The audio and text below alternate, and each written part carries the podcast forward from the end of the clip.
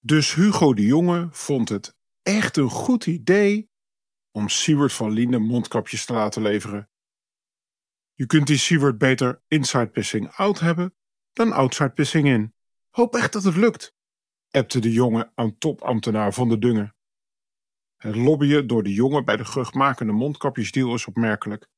Ambtenaren van het landelijk consortium hulpmiddelen waren namelijk al huiverig voor een deal met Van Liende. Zij waarschuwden de bewindslieden. Zijn aanbod leek simpelweg too good to be true, appte Van der Dungen.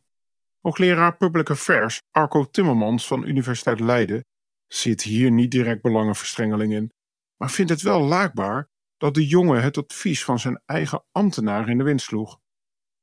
Je zou uit het eerder geciteerde appje ook kunnen concluderen dat de jongen met een tegenstander en mede-CDA in zijn armen sloot.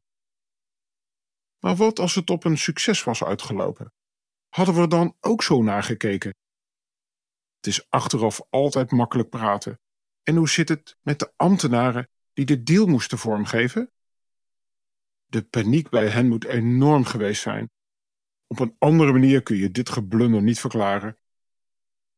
Als liefhebber van ons vakgebied doet het vooral pijn, omdat je weet dat het eenvoudig voorkomen had kunnen worden. Van een afstandje is het makkelijk oordelen over wat er in Den gebeurt. Maar hoe zit dat op andere niveaus? Als een minister zijn deskundige ambtenaren opzij schuift omdat hij het beter denkt te weten, hoe doet een wethouder dat in een gemeente dan? Schuift die met de beste intenties een bekende naar voren voor een onderhandse deal? Laat de inkoopafdeling van een academisch ziekenhuis zich beïnvloeden door een goed bedoeld adviesje van een specialist met een netwerk?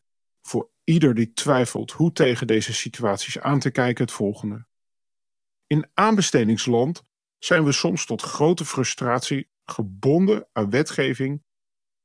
Inschrijvers en aanbestedende diensten vervloeken regelmatig die regels. Maar onderaan de streep zijn zij en alle verstandige mensen in ons vakgebied het erover eens. De regels zijn grotendeels fair.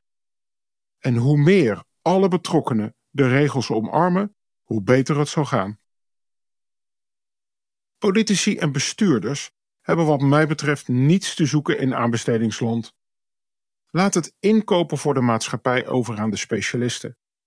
Juist in crisistijd moet je vertrouwen op de kennis en ervaring van professionals. Een duidelijke les voor iedereen die met aanbestedingen te maken heeft. Negeer politici die, ongetwijfeld vanuit de allerbeste intenties, zich bemoeien met aanbestedingen. Vergeet nooit dat een politicus per definitie ook een andere agenda heeft. Andersom is het niet de rol van een politicus of bestuurder om op de stoel van de deskundige te gaan zitten. Het gaat namelijk niet om je intentie, maar om een verstandige en rechtmatige deal. Als je dat onderschat, kan het uitlopen op een flinke blamage. En voor degene die denkt dat Hugo de Jonge inmiddels zijn les wel geleerd heeft, op de vraag of hij nu dacht: had ik maar nooit contact opgenomen met Siewert van Liende, antwoordde hij: Zeker niet. Alles is gedaan met de juiste intenties.